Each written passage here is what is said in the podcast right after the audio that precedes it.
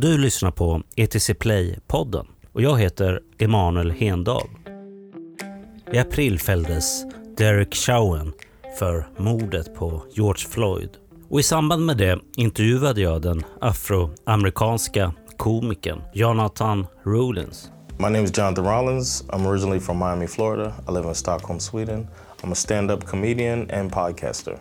Och nu har alltså domen kommit och han dömdes till 22 år och sex månaders fängelse. Och i samband med det så släpper vi nu en längre version av intervjun. Jag hoppar direkt in på hur Jonathan reagerade på domen. Leading up to the to that, I was a little afraid that they would get it wrong, and then it would just be like, man, even another officer got away with murder, and another black life gone, and no justice behind uh, a murder. Uh, but then when they said it, I was really happy and relieved because I knew that it meant it meant so much if he would have if he would not have gone to jail or gotten convicted. It would have meant it would have just been chaos and just disbelief, like despair. We wouldn't know what to do uh, because even that such a um,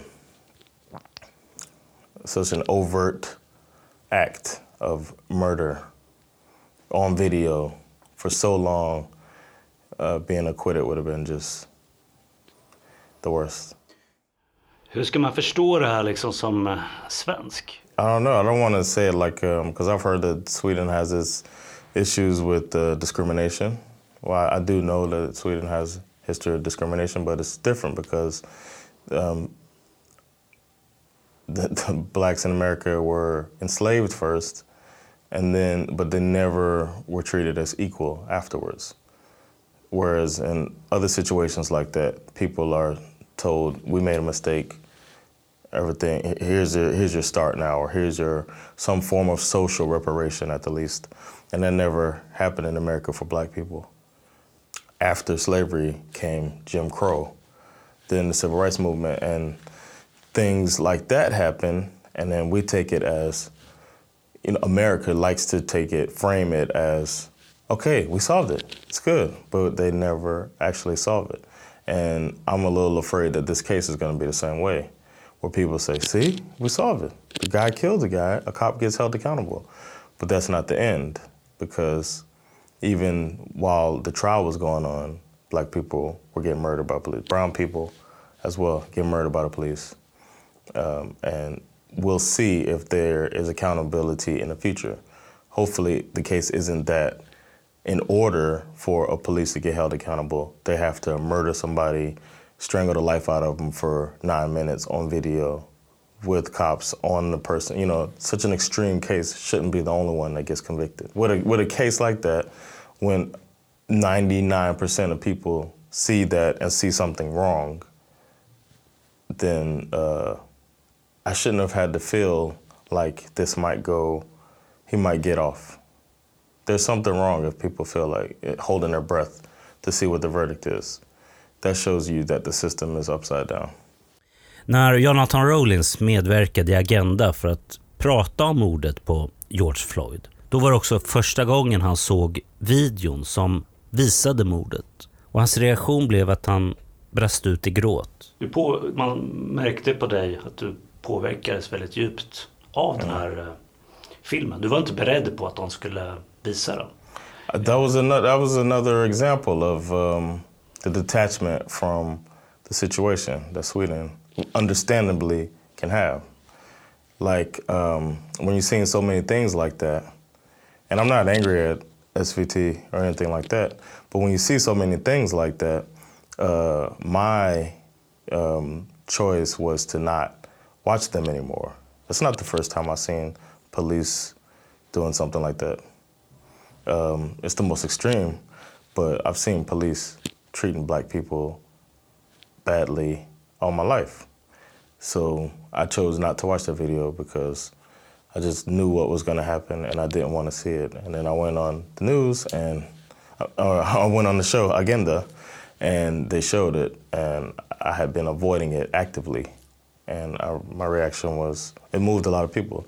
So in that regard, I was glad that Sweden got to see uh, how uh, how uh, hurtful that situation was, or how intense that situation was for us. Because I really wanted to be there and to be protesting with my people. Precis, för att eh, det, när man sitter här i Sverige och ser något sånt där, då tycker man ju såklart att det är fruktansvärt. Mm. Men det går, men det är liksom, det finns ett filter emellan liksom. Men, för, för, men det kändes på något sätt eh, som att för dig så gick det direkt in på ett annat sätt. No, I think it's that when you see a man like that, I can see that being a member of my family. I could see that happening to my uncle, my cousin. That man was my uncle. It was my cousin. That was my brother. You know, so uh, I've had my interactions with the police as well. So it wasn't that. It's not that far from me, mm. from my reality. Okej, okay, så det var en känsla av att det där, det där kunde ha hänt mig eller någon, någon av mina anhöriga? Yeah, and the combination of his cries and uh, the cops' nonchalance uh, Derek Chauvin hands in his pocket as he's murdering somebody like that, and people pleading for his life, but it didn't matter, and them thinking they're gonna get away, get away with it. Like the thing I noticed the most from um, watching the verdict was he looked confused, like like uh, surprised almost that he was convicted because it never happens. So uh, hopefully people, cops will think twice now that I could end up going away for a long time too. Var, det det som nästan berörde mest på ett sätt, att han, att han var så nonchalant? Exactly. He, it just, it, it goes back to the phrase Black Lives Matter. Watching that, that just personified that, that the, the life under him didn't matter to him at all. And he knew him personally. it came out later. Like, how could you just? You probably know he's got a daughter, a young child, and you just, you know, and then to change the story and say that you know the the way they changed the story when they reported it, and like they're just gonna end this life and get away with it.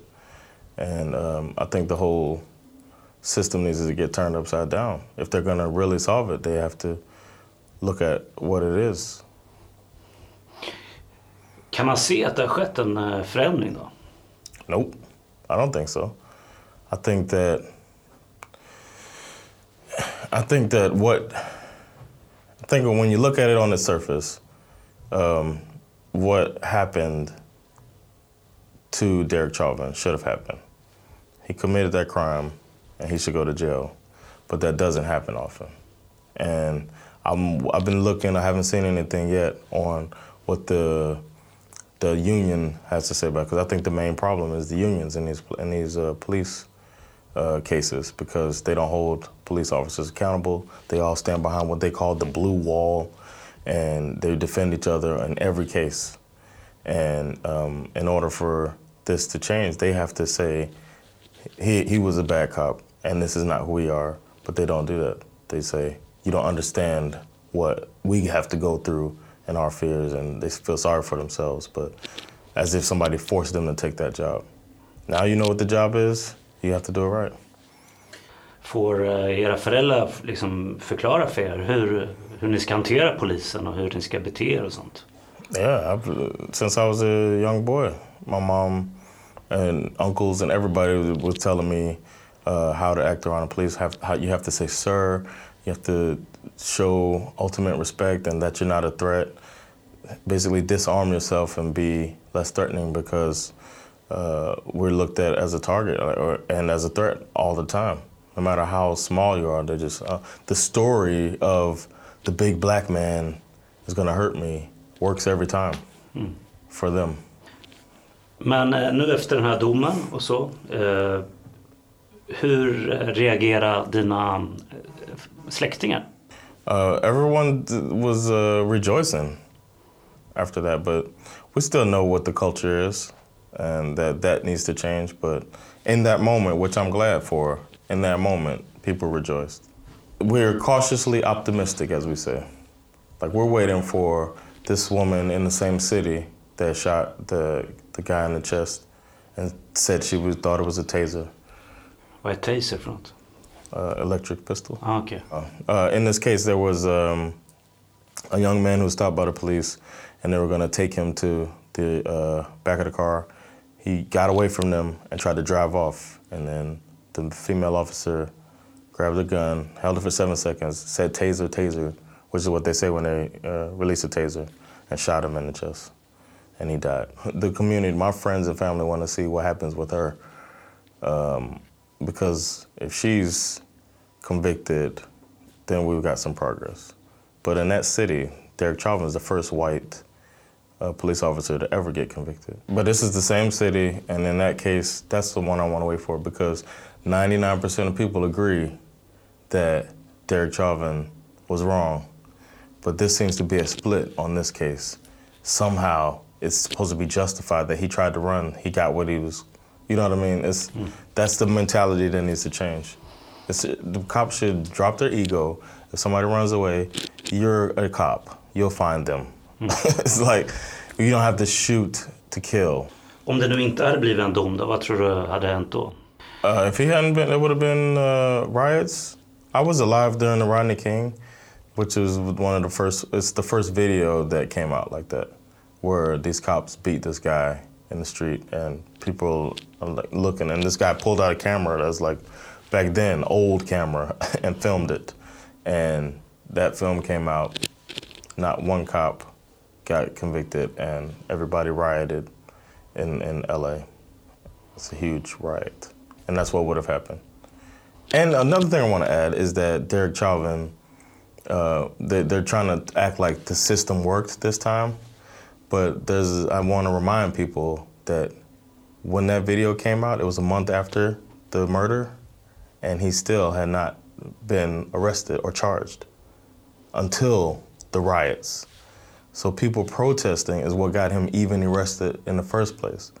But they don't. They're not. It's like they forget that that he had they had lied and said that he died of natural causes or of a heart attack or whatever, and people stood outside Derek Chauvin's house, and then they arrested him.